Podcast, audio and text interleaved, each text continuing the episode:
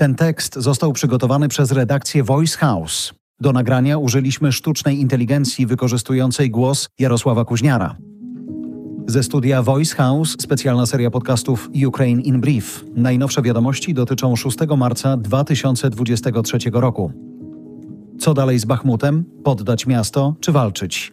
Pojawiają się nieoficjalne wiadomości, że Ukraina chce strategicznie się wycofać, oddając pole Rosjanom. Propagandowo byłaby to dla Moskwy doskonała wiadomość odbyła się specjalna narada głównych dowódców wojskowych Kijowa z prezydentem Zełeńskim. Ukraińscy generałowie opowiedzieli się za kontynuacją operacji obronnej w Bachmucie, informuje kancelaria prezydenta.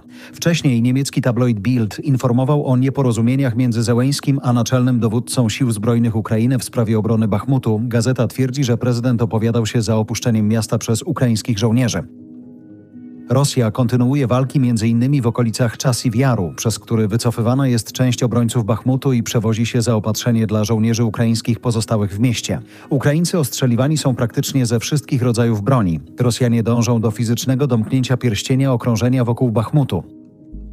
Białoruskie Centrum Praw Człowieka Wiasna poinformowało, że KGB prowadzi przeszukania u osób, które w ostatnich latach złamały prawo.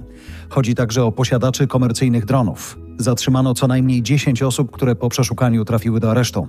KGB ma szukać organizatorów incydentu na lotnisku wojskowym, gdzie przy użyciu dronów zniszczono rosyjski samolot wczesnego ostrzegania typu A-50. Jak piszą eksperci OSW, Ministerstwo Spraw Wewnętrznych Białorusi tworzy specjalne jednostki dronów, w tym maszyn bojowych. Rosjanie przeprowadzili ostatniej nocy atak irańskimi dronami kamikadze. Ukraińcom udało się zestrzelić większość atakujących dronów.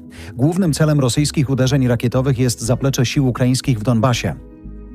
Pentagon podał szczegóły kolejnego pakietu pomocy wojskowej dla Ukrainy wartego 400 milionów dolarów. To pociski do wyrzutni HIMARS, amunicja artyleryjska, naboje do bojowych wozów piechoty oraz mosty.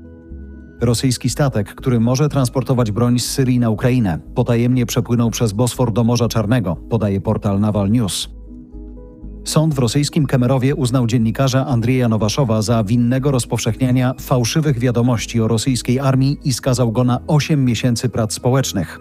Dostał również roczny zakaz publikowania w internecie. Co zrobił rosyjski dziennikarz? Udostępnił w sieci społecznościowej post ukraińskiej dziennikarki o ataku Rosjan na Mariupol.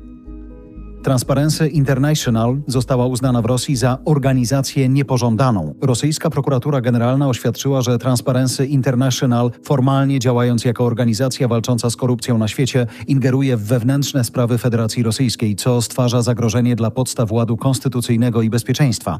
Transparency International to międzynarodowa, niezależna i pozarządowa organizacja badająca, ujawniająca i zwalczająca praktyki korupcyjne, przede wszystkim w życiu publicznym.